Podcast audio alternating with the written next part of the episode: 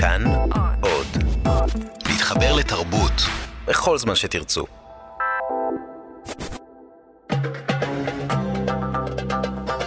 גם כן תרבות. עם גואל פינטו.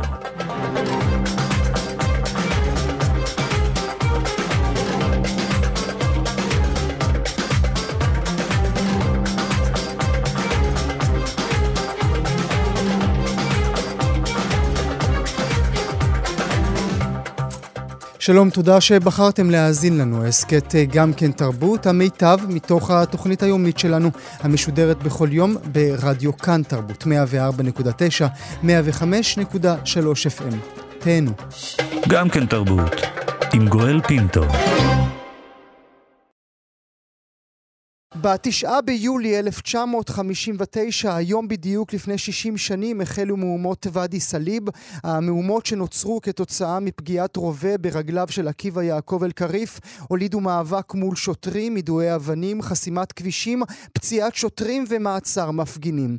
לוי אשכול, שעשור אחר כך ימונה לתפקיד ראש הממשלה, אמר בישיבת ממשלה שדנה במהומות כי חלק לא קטן מהשכר של המפגינים הם מוציאים על ערק, וייחס את המהומות וזריקת האבנים לארץ מוצאם, כך היה נהוג שם, הוא אמר בישיבת הממשלה.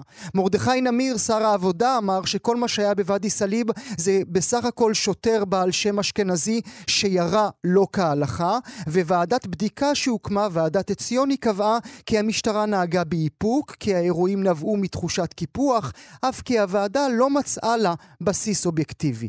נסיים את ההקדמה אולי בעובדה שבבחירות שהתקיימו חודשיים אחר כך, בספטמבר 1959 זכתה מפא"י בראשותו של דוד בן גוריון ב-47 מנדטים. מח"ל בראשות מנחם בגין זכתה ב-17 מנדטים בלבד. שלום לפרופסור סמי שלום שטרית, סופר, חוקר חברה ממכללת ספיר, בוקר טוב לך. בוקר טוב. זה יום מיוחד עבורך? זה נקודת ציון חשובה עבורי, בהחלט. אני לא יודע אם זה מצוין ב... ביומנים אה, ישראלים. היית אבל... רוצה אה, שזה יצוין ביומנים ישראלים? ודאי, ודאי הייתי רוצה שזה יהיה בספרי היסטוריה. אם אתה פותח ספר היסטוריה בארצות הברית, אז uh, ודאי שהפנתרים השחורים ומלקום אקס וכל, הכל מופיע שם, לא רק מרטין לותר קינג, שיש לו יום חג וכן הלאה. אבל בסדר, אנחנו, הנה, אתה מציין, אנחנו מציינים. וגם חשוב איך לציין, אה, חשובה גם השפה. למשל, כלומר אה, זה בסדר, אבל שמעתי שאתה אומר אה, מהומות כמה פעמים. ואנחנו מאוד מתכוונים לא להגיד מהומות, אלא מרד. מרד. והתקוממות, שפה הרבה יותר שבאה מתוך, מתוך הפעולה. כלומר. אנחנו מנסים לחשוב מה אנשים עשו וכיצד הם הגדירו את הדברים שלהם, הם בטח לא, אנחנו הולכים לעשות מהומות. בטח זו לא הייתה הגדרה שלהם לעצמם. אולי נדבר רגע ברשותך, פרופסור אה, שלום שטרית, מה היה ייחודי במחאה הזאת? הרי היו מחאות גם לפני כן. מה, למה זו ספציפית הפכה למה שהיא הייתה? קודם כל היו, וחשוב לומר שמרגע שאנשים ירדו מהאוניות כבר הייתה מחאה. ואנשים סירבו לעלות למשאיות וסירבו לרדת מהמשאיות. ראינו גם הרבה ארכיונים של זה, זה לא אגדה. ואנשים חסמו כבישים בנגב וזרקו אותם כל מיני, להקים מושבים, ואנשים אה, עלו להפגין מול משרדי הסוכנות, הרבה הרבה אירועים של הפגנות, אבל אנחנו לא זוכרים אף אחד מהם. למה? משום שזה לא התגבש לכדי תנועה, זה לא התגבש לכדי... אה, אה, התארגנות עם שם, עם אג'נדה, עם מנהיג ברור, אה, ולכן אנחנו זוכרים את, את ואדי סאליב, אין, אין שום ספק. והמיוחד בוואדי סאליב גם, שזה הדור הראשון, וזה אנחנו מבחינים אותם מהפנתרים השחורים כעשור לאחר מכן. זו מחאה של הדור הראשון, לא הדור השני. מחאה של הדור הראשון, כלומר, האנשים עצמם שעלו, לא ילדיהם שגדלו, נולדו פה, אנשים עצמם, האכזבה פשוט הכתה בהם, כלומר, הפער בין הציפיות וההבטחות לבין אה, המצב שבו הם מצאו את עצמם, צריך להבין, זה לא אנשים קמו יום אחד וסתם השתעממו. אנשים הוכנסו בתקופה ההיא, ואדי סאליב, אנחנו מדברים על מרוקאים, לא רק, אבל גם מרוקאים, בעיקר מרוקאים, שהוכנסו בזמנו, זו עלייה ממש ממש סמוכה למלחמת העצמאות ל-48', ואלה הוכנסו לבתים של פלסטינים שגורשו, ברחו, הוברחו ביפו, ברמלה לוד, במוסררה, בוואדי סאליב, מקומות כאלה, כדי לתפוס את המקום. פשוט מאוד, שמו את האנשים שם בתוך הבתים. ו... אבל השאירו אותם שם, המצוקה שם והאבטלה, ושוב, מה שמעניין, אנחנו פוגשים בזה שוב ושוב, הרקע של הדר, כלומר, כרמל, mm-hmm. הוא זה שמקומם. הוא זה שמוביל, הוא זה שמוביל להתקוממות הזאת. ברור, אני, כן. אני רוצה להקריא ברשותך, ועוד רגע גם נשמע אה, כמה אה, קטעים שהכנו מאותה תקופה. עדות שנתנה אה, רות שחר, היא עמדה בפני אה, ועדת החקירה. היא רק בת 34 כאשר היא עומדת מול ועדת החקירה. היא עולה מאלג'יר, היא עלתה מאלג'יר לפני קום המדינה, והיא מספרת לוועדה שהיא התכנסה, היא אומרת, נפגשתי יום-יום עם התופעות של האפליה, בכל פעם פעם שאמרתי שאני מאלג'יר התקררו היחסים, היו אומרים לי, אבל את לא נראית כמוהם, כמוהם, אולי את לא מאלג'יר, והייתי צריכה להדגיש שכולנו במשפחה צפון אפריקאים. אני אומרת שההרגשה של אנטישמיות שאני הרגשתי כבר ישנה מזמן. נפגשתי בתופעה הזאת אף בין האנשים מבין העילית בארץ, אקדמאים. שמעתי רופא שמתלונן, היא אמרה לוועדה, שאליו מביאים רק שחורים. זאת אומרת, זו הייתה תחושה כללית של כל עולה עולי אה, אה, צפון אפריקה שהגיעו לישראל באותה תקופה. כן, תראה, זה, זה, את זה אנחנו מכירים אה, בלי סוף, כלומר, אנחנו לא צריכים את ואדי סאלי בשביל זה, אבל ואדי סאלי היא איזושהי נקודת רתיחה מהבחינה הזאת. וכלומר, הגזענות הייתה כמובן בפרונט של, של כל הסיפור הזה. אנחנו, היו לא מזמן שתי סדרות, אחת על עיירות הפיתוח, אחת על המעברות וראינו איך מדיניות אה, נקבעת אה, אה, בפירוש על, על, על בסיס עדתי, ככה שמבחינה הזאת זה קורה, וזה קורה שוב ושוב, אבל אנחנו חוזרים לוואדי סאליב שהיא מרתקת במיוחד, כלומר ההתקוממות הזו, המרד הזה, זה גם התוצאה שלו. אבל ההתנגשות היא באמת התנגשות בין מרוקאים לשלטון, נקרא לו אשכנזי בזמנו, ולא בין ישראלים. ולמה זה חשוב לך להדגיש את זה? זה חשוב, כי כשאנחנו פוגשים, הם, הם גם אומרים, קוראים למלך מרוקו, תחזיר אותנו למרוקו. כלומר, הם בעצם אומרים, הדיל הזה פה היה עבודה בעיניים. אנחנו, אנחנו תקועים, מה אנחנו עושים פה? לעומת הפנתרים, צריך להזכיר, עוד לא העליות הגדולות מגיעות ממרוקו. כן, עוד לא. עוד לא. עכשיו, צריך לזכור ש, שבפנתרים זה כבר ישראלים מוחים. שאלי ביטון חבריו בזמן עוד ישראלים עם ילדים קטנים. הם אמנם זוכרים ככה במעורפל, הברג'ל יותר מבוגר, אז הוא זוכר ממש, אבל הם כבר ישראלים. הם אומרים למה אני ישראלי, ואני לא, לא מקבל את מה שמגיע לי. כמו ישראלי ברחביה, וכמו ישראלי ברוסיה, אני מרגיש בן uh, מופלה. פה זה ממש הם, זה המרוקאים, עוד לא... הם עוד לא, עוד לא ש... קיבלו, ומה... קיבלו, לא פתחו להם עדיין את הדלת בכלל לישראליות. ומה שמדהים, ואולי עוד רגע ננסה גם לדבר על המחאה של בני, אה, אה, בני עדת אתיופיה בשבוע האחרון, כן. מה שמדהים זה שהשלטון, ונשמע את זה אה, עכשיו, השלטון לא מבין מה קורה לו. הנה בוא נשמע את מפכ"ל המשטרה, יוסף נחמיאס. מר יוסף נחמיאס, שסיכם את ההתפרעויות בוואדי סאליב, במגדל העמק ובבאר שבע, עמד על האופי השונה שלהן. יריות על שיכור שהציתו מהומות בוואדי סאליב, סכסוך עבודה במגדל העמק והתפרעות בריונים בבאר שבע. מר נחמיאס חזר וגולל את פרטי ההתפרעויות אמש בבאר שבע, שבוצעו בהתאם לידיעות שבידי המשטרה, על ידי פושעים אנשי העולם התחתון בעלי עבר פלילי. פושעים בעלי עבר פלילי. זאת אומרת, זו הייתה התפיסה. כן, אבל למה אנחנו הולכים רחוק? בן גוריון שולח, שולח פתק לשופט ששופט את בן הראש, וכותב לו, אני לא מצטט במדויק, אבל משהו כמו רועה זונות, פושע כזה, לא היה מתקבל בגאווה בעדתנו, בעדתנו, שלי ושלך השופט. ואילו אצלם, וכולי וכולי. פתק, פתק שמעבירים לשופט. אם ראש ממשלה היום היה מעביר פתק לשופט וזה נתפס, כמובן שזו הייתה שערורייה איומה. כלומר, ברור, ברור שהדה-לגיטימציה, הדה-לגיטימציה היא מיידית.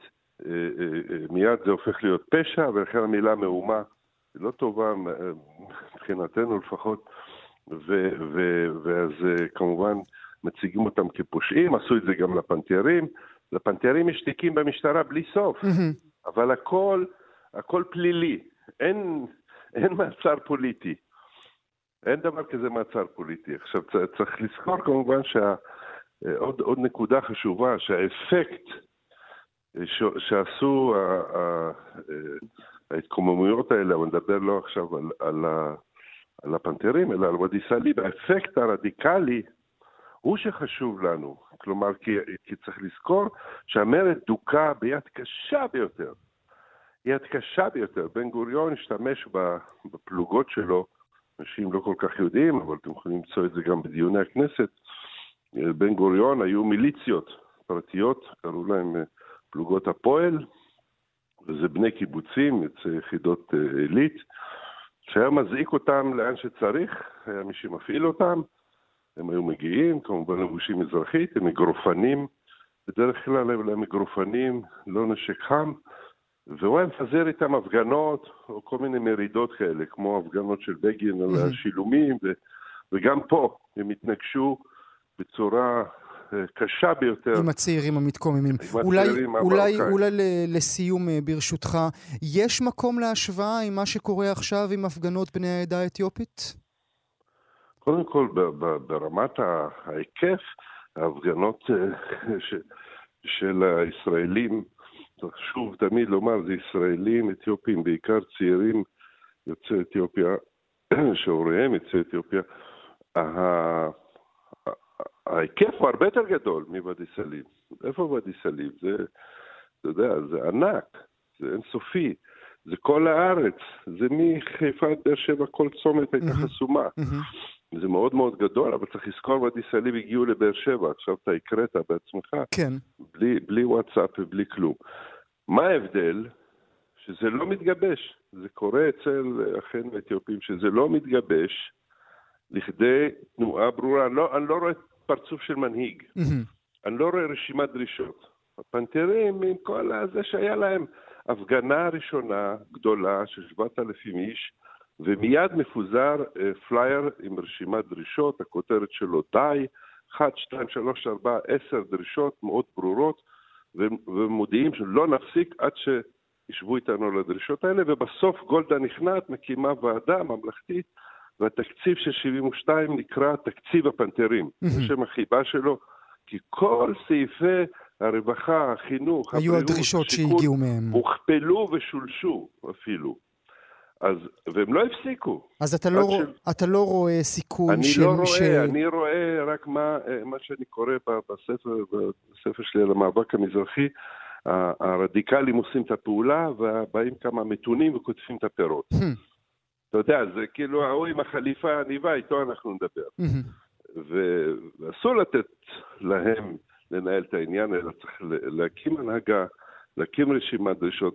אין אג'נדה, אין כותרת, אין פרצוף, וזו בעיה, זה מתפזר וזה מתפוגג. אנחנו כמובן נעקוב אחרי זה. הפרופסור אה, סמי שלום שטרית, אני מודה לך מאוד שהיית איתי הבוקר. תודה רבה. להתראות. אנחנו uh, נמשיך במהלך השעה הקרובה uh, לדבר על uh, אותם אירועים שקרו בדיוק היום לפני 60 שנים. עוסקים היום בשעה הראשונה של התוכנית שלנו באירועי ואדי סאליב שפרצו היום ממש בדיוק לפני 60 שנים. שוחחנו כאמור עם הפרופסור סמי שלום שטרית. עכשיו נמצאת איתנו הפרופסור יפעת וייס מהחוג להיסטוריה של עם ישראל ויהדות בת זמננו באוניברסיטה העברית. שלום לך פרופסור וייס, תודה שאת איתנו הבוקר. בוקר טוב. עוד לפני שנתחיל את השיחה, אני רוצה ברשותך שנשמע דברים שאמר אה, אבא חושי. כל התוכניות של השיכון העמידה העירייה תנאי למנוע שיכונים מיוחדים לבני עדה אחת. יש לעמוד בכל תוקף על תנאי זה גם לעתיד. השיכון המשותף לבני כל העדות והעליות הוא מכשיר ממדרגה ראשונה למיזוג גלויות, ואין לוותר עליו בשום פנים ואופן. אומר אה, אבא חושי שיש איזשהו רצון לאינטגרציה, או אולי הוא טוען שהייתה אינטגרציה, אבל אני שואל אותך, האם אפשר לומר שוואדי סאליב היה גטו? לא, אני לא הייתי משתמשת במושג גטו, למרות שהמושג גטו היה בשימוש בארץ, אבל אה, דווקא לאזורים שבהם גרו אה, ערבים ש... אה, אחרי 48. לזה דווקא קראו גטאות באופן מוזר, אבל לא, זה לא היה גטו. ואני הקשבתי קודם, הייתי רוצה ככה קצת להצטרף לדברים שאמר פרופסור שטרית לפניי, אבל קצת לשנות. אה, יוצאי צפון אפריקה, מרוקאים, יהודים מרוקאים, שגרו בוואדי סאליב, לא בהכרח היו אלה שיושבו שם ב-48. לא בהכרח, אלא דווקא אה, בוואדי סאליב אה, בשלהי שנות ה-50 היו הרבה מאוד יהודים מרוקאים שעלו בעלייה של שנות ה-50 ויושבו בפריפריה ונעו מהפריפריה לרכוש נטוש בערים הגדולות. זאת אומרת, זה לא אנשים שיושבו, זה דווקא מאוד מאוד מעניין, זה אנשים שהיה להם יוזמה עצמית והם לא רצו להיות במושבי עובדים והם לא רצו להיות בגבול הצפון, לא רצו ולא יכלו ולא רצו לגדל תרנגולות, הם היו עירוניים, הם באו מה, מהמלח, הם באו מאזורים עירוניים והם נעו. הם נעו לעיר ושם הם נתקעו. ושם משהו אה, השתבש. אז אני בכלל חושבת שצריך להסתכל על ואדי סאליב, אה, בין השאר, יש המון דרכים להסתכל על ואדי סאליב, כסיפור של אה, אה, מוביליות, של ניעות שנתקעה, או חובלה, או שובשה, או לא הצליחה. Mm-hmm. אז זה ככה קודם כל איך הם הגיעו לוואדי סאליב. עכשיו, אה, ואדי סאליב אה, לא היה גטו אה, לוואדי סאליב, וזה גם, ה, אני חושבת שזו בטח אחת הסיבות שגרמה לכך שזה התפוצץ שם. מצד אחד זה היה לכאורה מבודד, כאילו מבודד, מצד, מצד אחר זה היה בלב העיר, זה היה דקה מהדר. זאת אומרת, מה שבוואדי סאליב תמיד אה, מאוד גרה כנראה את העצבים, היה הקרבה, ל, ל, ל, זה גם בוועדת החקירה, לעיר הגדולה, כן. נוצצים להם אורות הכרך. אה, זאת אומרת, העיר הגדולה, הדר של חיפה, העיר הגדולה. זאת אומרת, הקרבה בין הדבר הזה, שהוא שכונת עוני, לבין החלקים היותר מסודרים, נגיד, של העיר חיפה, וגם יותר אשכנזיים, זה ברור. ובאופן טבעי, כשאתה רואה את הבית היפה מולך, יותר קשה לך עם הבית נכון. העלוב שלך. עצם זה שהם היו בקרבה כזאת גדולה עם האורות הנוצצים, זה הספיק להם כדי להבין את המצב היחסי שלהם. אני גם חושבת שזה הספיק, וגם אני חושבת שמלכתחילה היו שם הרבה מאוד גורמים שהם דווקא לא היו... אה, נגיד, אה, נאמר את זה, שפוטים של המערכת, אלא הם כבר אנשים שעשו צעד. הם כבר אה, פעלו כנגד המדינה בשעה שהם החליטו לא להיות ביישובי, במושבי עובדים. הם, כבר, הם כבר היו נכונים לצעד במובן הזה. הם היו אנשים שהכירו בערכם. בן ארוש הוא מאוד מיוחד בתוך כל הדברים האלה, ואני חושבת שפה גם תמיד צריך להבחין. בן ארוש באמת היה בוואדי סאליב משלהי שנות ה-40, הוא גם היה במלחמת ה... הוא היה במלחמת העצמאות, זאת אומרת, בן ארוש הוא אחר, אבל uh, הם כבר uh, uh, עשו את הצעד, ו- ואז הם נתקעו. עכשיו, מה שאתה השמעת של אבא חושי, קודם כל ממש שמחתי לשמוע את זה, כי ראיתי את זה המון פעמים בכתובים, אבל מעולם לא שמעתי את זה עם הכל, ואני חושבת שגם זה עושה משהו. אני אשמח להעביר לך את ההקלטה. ממש שמחתי, כי גם זה עושה משהו, כי אפשר להבין שהעוינות שפרופסור שטרית קרא לה גזענות, היא, היא בוודאי גם הדדית. Mm-hmm. היא, היא הדדית במובן שנאמר את זה, לאף אחד המבטא של האחר לא בא בטוב. Mm-hmm. זה, זאת אומרת, אה, אה, יש כאן... אה, יותר מזה, אני ברשותך אוסיף, קראתי במהלך הימים האחרונים את כל, את כל הסטנוגרמות של כל ישיבות הממשלה כן. ו- וכל הדברים האלה, ואת רואה שם בפירוש שעולה קו מאוד גדול של, של היושבים בממשלה, הם פוחדים מאנטי-אשכנזיות. מאיזשהו גל גדול שיבוא וישטוף אותם. טוב, אבל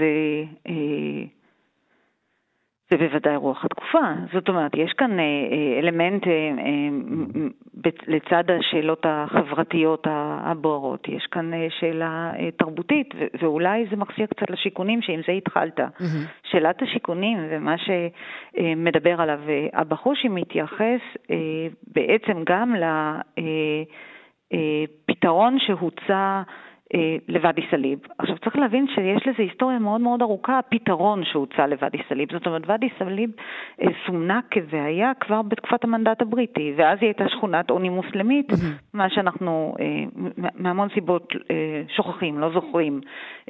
זה בכלל מחוץ לזיכרון שלנו.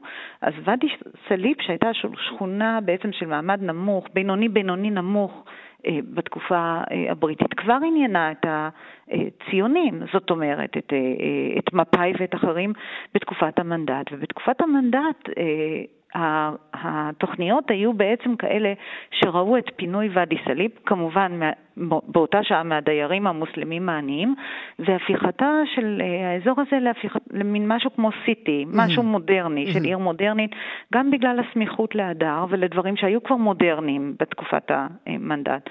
כאשר החשיבה הזאת היא חזרה אה, אחרי 59, אה, אז היא חזרה קודם כל בעיקרון של הפינוי.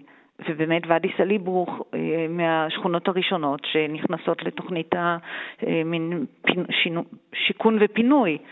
ופה בעניין הפינוי אני חושבת שנשאלת שאלה גדולה שעליה פחות, שבה פחות עוסקים, משום שהפינוי בעצם בתוך תהליך הפינוי אפשר לראות אה, את העיוורון להמון דברים. Mm-hmm. אז קודם כל העיוורון לכך שברגע שפינו אותם, הוציאו אותם ממרכז העיר.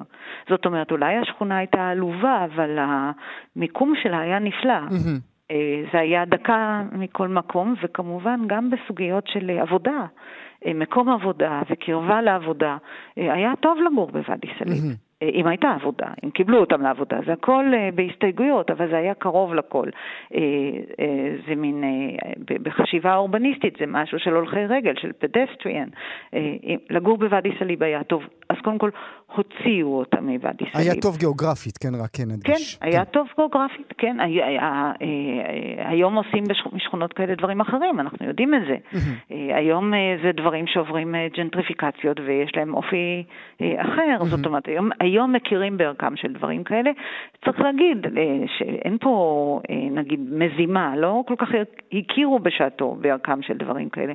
דבר אחר הוא שברגע שהוציאו, אה, גם לא כל כך ערבבו, הדברים שאומר אה, אה, אבא חושי ערבבו קצת במובן שלא הוציאו את כל ואדי סאליב לשכונה אחת, mm-hmm. אלא הוציאו את תושבי ואדי סאליב לשבע, לשבעה מקומות שונים. זאת אומרת, פיזרו במובן הזה לכאורה ערבבו, אבל לא כל כך ערבבו, משום שלתוך הבתים המסוימים נכנסו מפוני ואדי סאליב, ולמשל בשכונות נווה שאנן, שבה אני גדלתי, היו כמובן את האזור של המפונים, mm-hmm. וזה היה נקרא השכונה של המפונים, זאת אומרת, של יוצאי ואדי סאליב. סאליב. התווית עוד נשארה עליהם. אני רוצה רגע, ברשותך, הפרופסור עוד... וייס, כן, בבקשה.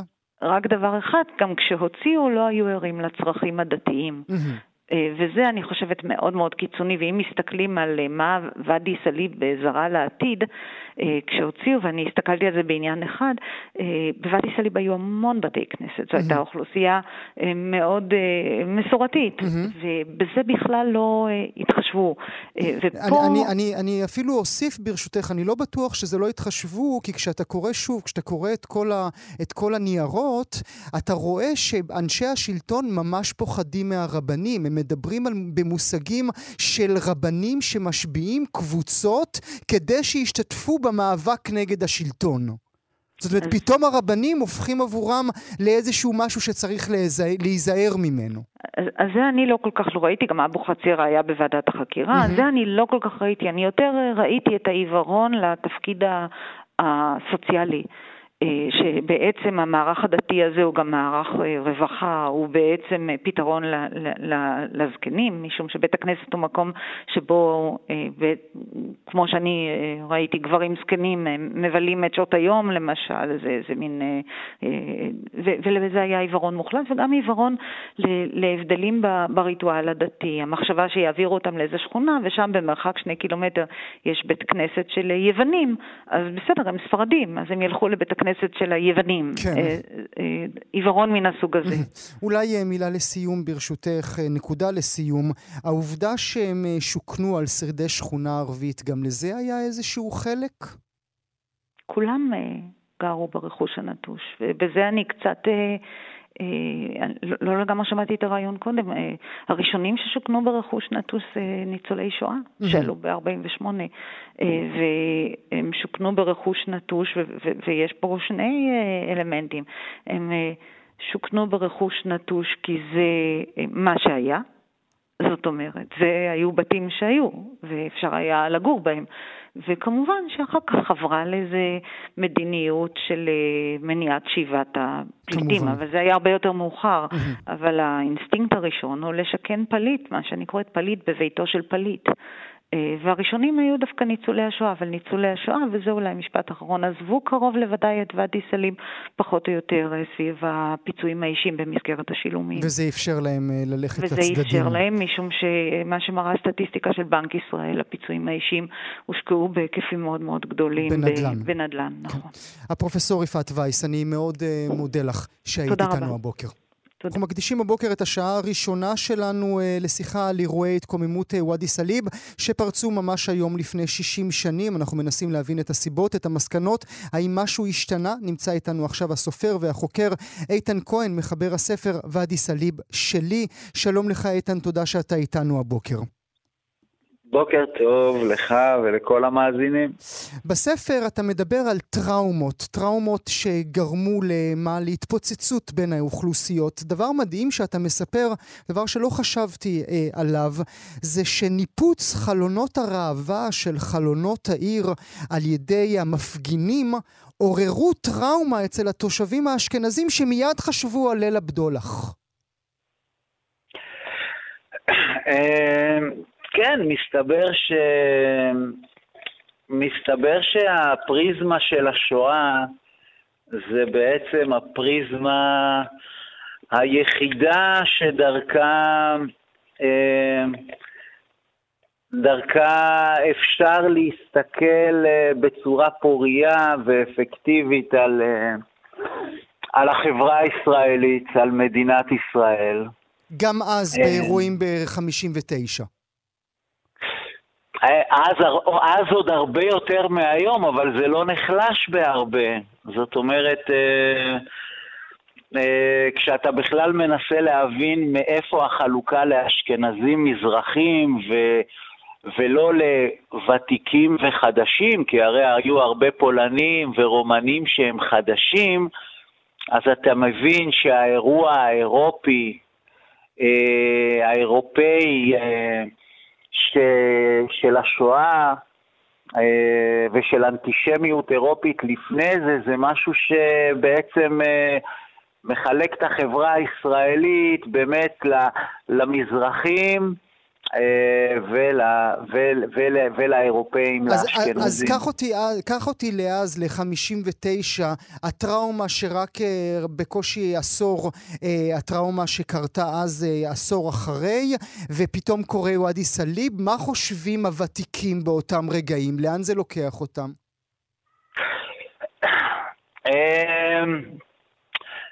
תראה, זה לוקח אותם למקום של, uh, הנה, הכפויי טובה האלה, שהבאנו אותם לכאן למרות שהיינו צריכים לשקם את uh, אחינו הפליטים והעקורים מאירופה, וזה כמובן uh, מחדד את, ה, את הצורה שבה, שבה קמה המדינה ואת ה... העובדה שצריך להבין ש... ש... שבשנות החמישים עדיין החברה הוותיקה של היישוב, העליות, החלוצים, עוד ליקקו את הפצעים של תקופת היישוב ומלחמת השחרור ואפילו מלחמת 56 והיו כאן עקורים והיו בעיות ו... והנה הנה, הנה באים אלה שגם כן גאלנו אותם וכולי, ועוד uh, מחזירים אותנו לאותם, uh, לאותם ימים ולאותם תופעות אנטישמיות. וזהו, uh, זה, זה פחות או יותר... Uh, זה, זה פחות או יותר... מה שחשוב לי לומר זה שבאמת, כשניסיתי לכתוב את הספר, uh, אז אתה שואל את עצמך באיזה גובה אתה משייט, באיזה צורה אתה כותב, וברגע שהתחלתי לכתוב על השואה, כי הנושא הזה של, ה, של ליל הבדולח זה לא איזה משהו שמצאתי איפשהו, אה, למרות שאבא חושי, אבא חושי דיבר במושגים של פוגרום, ומפה, ברגע שהתחלתי להגיד, אוקיי, בוא ננסה לספר את זה דרך השואה, אז פתאום הבנתי באמת את החלוקות, אה, את היריבות בין הרומנים למרוקאים בתוך ואדי סאליב, mm-hmm. ומי, ומי קצת יותר נאמן למפא"י ו- וכולי, וחשוב להבין, מה שאני חושב שבאמת חשוב להבין, כי אה, אה, זה, זה הדבר החשוב לדבר עליו, זה שאירוע כמו השואה, ועוד לפני זה כל ההיסטוריה של העם היהודי, הופך אותנו למקום או לעם שיש בו הרבה מאוד אנשים טובים, אבל יוצאים לנו דברים מאוד רעים, וזה כי המדינה שלנו, אפרופו השואה, אפרופו הרדיפה של אחרי העם היהודי, זה משהו שיוצר אה, אה, איזשהו רוע אה, שהוא מעבר לשליטת האנשים הטובים, טובים מאוד מכל המגזרים דרך אגב. אשכנזים נפלאים ומזרחים נפלאים ואתיופים ורוסים, אבל כל הזמן יוצאים לנו דברים רעים כי אה, תקופת היישוב ובן גוריון הניחו את היסודות לזה שהמדינה היא מעל הכל.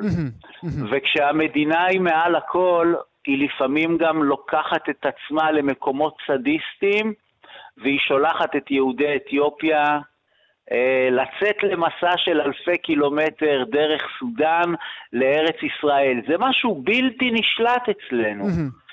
זה בלתי נשלט. בוא, ננס, ו... בוא ננסה ו... רגע, כן, ברשותך, כן. איתן, לחזור ל-59. מה המדינה, כן. מה השלטונות היו צריכים לעשות אה, כדי באמת ליצור שם דיאלוג, כדי ליצור ריפוי ולא ליצור שיסוי? אז היו צריכים להחליט שיהודה בן הראש הוא אה, מנהיג של מחתרת מאוד מאוד מסוכנת ואלימה ומהפכנית, ולבוא ולהגיד לעצמם, וואלה, איך הגענו למצב הזה? ולא להציג אותו כאיזה נוכל ופרחח ואחד שמבקש אה, לעצמו איזה בונוס אישי. אבל, אה, כמו שאמרתי הרגע, אנחנו לא פותחים את, ה, את הדברים האלה כי אנחנו אה, מרגישים שאנחנו חייבים להיות חזקים, ואז הביטחון והכלכלה חזקים, ואת החברה, החברה המאושרת, שלא יונקת מהקודש של המדינה, אלא מהקודש של האנשים והעדות, זה מפוספס. ואז אפילו ועדת החקירה הממלכתית שהוקמה וצריכה לקום גם היום. Mm-hmm. ועדת החקירה הממלכתית הייתה מאוד אמיצה, אבל לא היה לה מספיק אומץ ללכת ובאמת להגיד, כמו שאחד החברים של אייזנשטט, שמקובל להגיד עליו שהוא, שהוא היה חלק מהממסד, הסוציולוג אייזנשטט, אבל דווקא הוא הציג את בן הראש כמי שיונק ממאו צטונג, והוא מאוד מהפכני וקיצוני, ו... והיינו צריכים להגיד, חבר'ה, יש כאן מחתרת, יש כאן משהו מאורגן, יש כאן משהו שאנחנו חייבים להקשיב לו, הוא עמוק. ולא באמת הייתה הקשבה. לא, לא, לא, אה, לא יכולנו, לא, אנחנו לא מסוגלים להגיד את זה לעצמנו, אנחנו אה, אה, פשוט אה, מוגבלים, משותקים ונכים בכל מה שקשור בלדון בתהומות בינינו. ההפך, אנחנו אקרובטים של תהומות. ואנחנו לא כאלה שיודעים לבנות גשר ויודעים להקשיב לאדם הבודד, כי יש לנו דברים הרבה יותר גדולים לעסוק בהם, ולכן מה שאנחנו צריכים זה הרבה פסיכותרפיסטים, הרבה פילוסופים, וגם מדעים. אנחנו צריכים הרבה עובדים סוציאליים, ולהפסיק אה, לעסוק בפוליטיקה, וברור שהדבר שכולנו צריכים לחתור אליו זה חוקה. עד שלא כן. נבוא ונדבר בינינו, ומי שאמור לדבר זה זקני השבט ולא פוליטיקאים. ברור. עד שלא נעבור מהכנסת למועצה מחוקקת, אף פעם, לא, פעם לא נעשה דיאלוג של 4-5 שנים. ממה שקרה ל-59 ו-2019, כן. 60 שנים עברו. אה, איתן כהן, ואדי סאליב שלי, אני מודה לך מאוד שהיית איתי הבוקר. תודה לכם, יום טוב. נבחן עכשיו את הדרך בתרבות והאומנות אה, תיעדו ועסקו אה, באותן אה, מהומות ואדי סאליב, אירועי, אירועי ואדי סאליב. נמצאת איתנו עכשיו אשת כאן תרבות ענת שרון בלייס. שלום ענת. בוקר טוב גואל. תודה שאת איתנו. הספרות, נתחיל בספרות. מה היה הספר הראשון שמתאר את מה שקרה שם? תראה, בוא נלך כמה שנים קודם. עוד, נלך עוד לפני. הנדל, עוד mm-hmm. לפני, כן. הספר, הרומן רחוב המדרגות של יהודית הנדל, יהודית הנדל גרה בהדר עם הבן זוג שלה, הצייר הידוע צבי מאירוביץ', והסטודיו שלו למטה בעיר התחתית, והיא הולכת אליו, הולכת לסידורים, הולכת לבקר את צבי, והיא עוברת ברחוב המדרגות, היכן שגרים תושבי ואדי סאליב, והיא פשוט רואה את האנשים כל יום ומתחילה לדבר איתם, ולאט לאט היא אוספת חומרים ומתחילה לכתוב את הרומן הראשון שלה, אני מדברת על תחילת שנות ה-50, הוא רואה אור ב-55, והוא נחשב היום לרומן שמבשר את אירועי ואדי סאליב, כי בין היתר אני אקרא לך ממש כמה שורות מה היא כותבת שם. מי קרא לרחוב המדרגות? רחוב המדרגות. איש לא קרא לו ככה, פשוט קוראים לו רחוב המדרגות. Hmm. האנשים שחיים פה יש להם חלומות משלהם, אבל הם מטופלים בילדים, הם לוחשים תפילות, והתפילות עובדות בתוך כותלי העוני. רחוב המדרגות דחוק ומפתני הבתים יוצאים ישר לרחוב ללא כל מדרכה אל האפר המעורב אספלט או זפת. והמפתנים סדוקים או okay. אוקיי. רבועים גשם וכך הלאה. זאת אומרת, הכל רטוב, הכל אין מדרכות, הילדים מסתובבים. היא כבר אז בעצם מעידה על מה שאחר כך יגרום נכון. לאותה, לאותה התקוממות. אה, ומה אחר כך? כיצד אנחנו רואים שהתרבות נוגעת באותו פצע, אם בכלל? תראה, עכשיו אני עשיתי באמת חיפושים בימים האחרונים, ואין הרבה אה, מקומות בתרבות שאנחנו רואים את זה. עמוס גיטאי עושה את הסרט תעודה שלו 20 שנה אחר כך, בשנת 79, ובעצם חוזר אל הגיבורים של המרד ולאנשי המשטרה, ומראיין אותם לאחד הסרטים הראשונים שהוא עשה. הספר המעניין בעצם שנותן איזשהו מבט על מה שקרה שם, ראה אור רק אה, לפני חמש-שש שנים, של גבריאל בן שמחון, mm. נערה בחולצה mm, כחולה. Mm, עכשיו, mm. גבריאל שהיה גם מרב מכר, כן? מאוד, כן, נכון. ספר מאוד אהוב, כן. ספר מאוד אהוב, מאוד יפה, ואני קראתי בו שוב בסוף השבוע, הוא פשוט ספר מקסים. כל התיאור שלו, גם של ההיסטוריה של העולים, גם הוא חוזר חזרה למרוקו. מרציאנו, מרציאנו ה... הגיבור שלו. נכון, mm. יונתן מרציאנו, והוא מאוהב באשכנזייה, בעלת החולצה הכחולה, נורית mm-hmm. סתיו. Mm-hmm. היא גרה למעלה. בדיוק אגב כמו אצל יהודית הנדל, גם שם יש סיפור אהבה בין אברהם שגר בוואדי סאליב לבין אראלה שגרה למעלה, ובשני המקרים האב האשכנזי העשיר מפריד ביניהם. Mm-hmm. ופה, בחלק האחרון של הספר, אחרי שבן שמחון מתאר באמת את כל ההשתלשלות של הפליטים שגרים פה, גם הפליטים, פליטי השואה וגם העולים, המהגרים שהגיעו מצפון אפריקה, חלקם אגב כבר גם אה, פצועים ונכים של מלחמת העצמאות וחוזרים חזרה לוואדי. אה, הוא הרי מתנחם בקולנוע, זה פשוט ספר מקסים על איך האנשים העניים המרודים הללו, שבאמת אה, נשברה נפשם בהגירה, מתנחמים בסרטי הקולנוע ובמערבונים. אז הוא מתאר מין פגישה שחלקה מבוסס על האמת בין אבא חושי לבין אה, דוד בן ארוש. אבא חושי ישב בראש השולחן, זאת אומרת, זה כבר אחרי המרד שמנסים mm-hmm. לדבר, ובן הרוש מפה. אמ, בן ארוש ישב בפנים מתוחות, מביט מולו באבא חושי, שפניו נינוחות ומגחכות. הם בחנו זה את זה כמו שני אקדחונים מהמערב הפרוע. פעם ראשונה שבן ארוש יושב ליד שולחן כשווה עם שווה עם ראש העיר, גם אבא חושי ודאי היה מופתע לראות פעם ראשונה את האיש שהרעיד את העיר mm-hmm. והפחיד את המשטרה, והנה הוא לא כזה גבוה ולא יפה, הוא לא ברט לנקסטר ולא גרגורי פק, הוא סתם בחור פשוט, רזה שחור שיער, הפנים שלו מעידות שלא בא מבית עשיר ולא מבית ספר, ועכשיו, okay. אוקיי. וזה מה שהוא אומר על הבחור, שצריך ללמד אותו לקח, את דוד בן ארוש, מי שהצית את המרד. אז זה בספרות. אמרתי, הזכרתי את, אה, את עמוס גיטאי. אה, בתוך, בתחום המוזיקה... שדוד בן ארוש אמר... משתתף בסרט התיעודי נכון, שהוא, כן, שהוא עשה ש... עליו. כן, האנשים שהיו משתתפים שם. יש לך אה... איזשהו הסבר מדוע, מדוע התרבות לא נגעה בדבר הזה שהוא הפך לחלק בזיכרון הקולקטיבי שלנו כאן כישראלים? תראה, היא נגעה בזה בצורה עקיפה. כמה שנים אחר כך שמעון בלט מפרסם את הספר שלו, מעברה. אז mm. מדובר כבר על מעברה של יוצאי...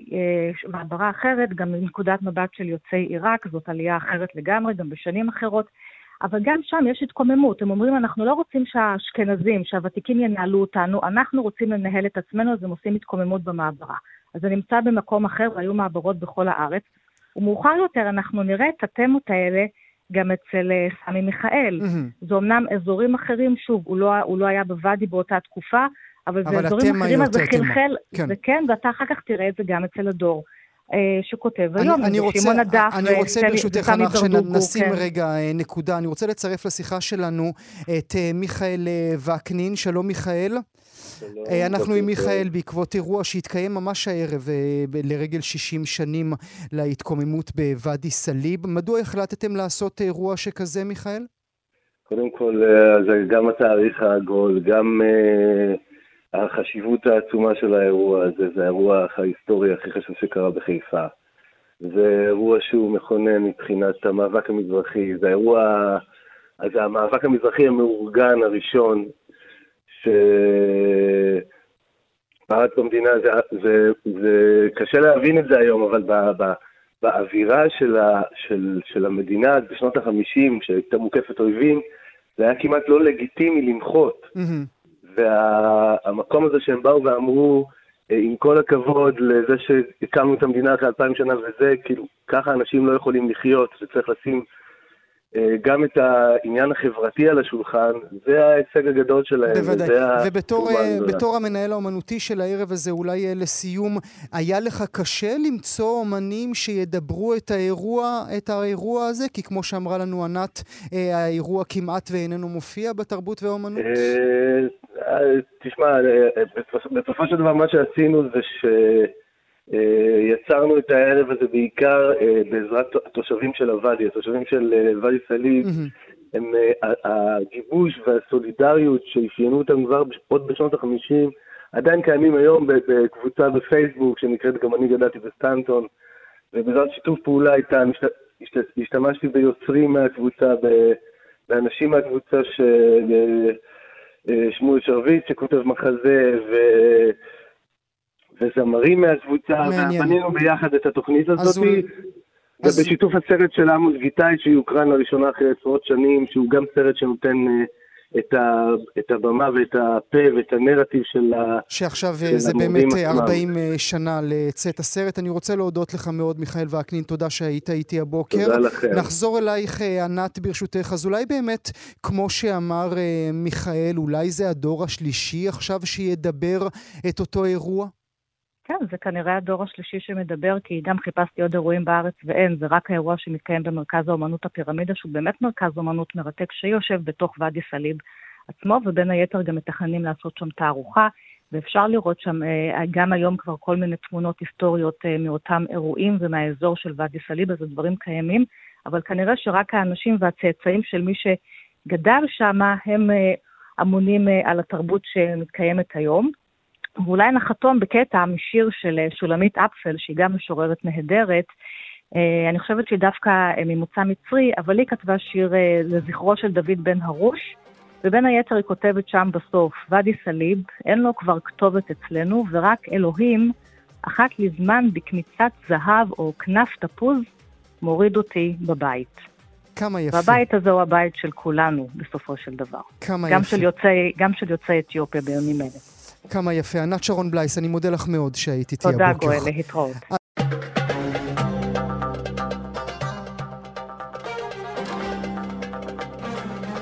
כאן הגיעה לסיומה תוכנית נוספת של גם כן תרבות. כרגיל, אנחנו שולחים אתכם לעמוד הפודקאסטים שלנו, עמוד ההסכתים, בכתובת כאן.org.il/פודקאסט.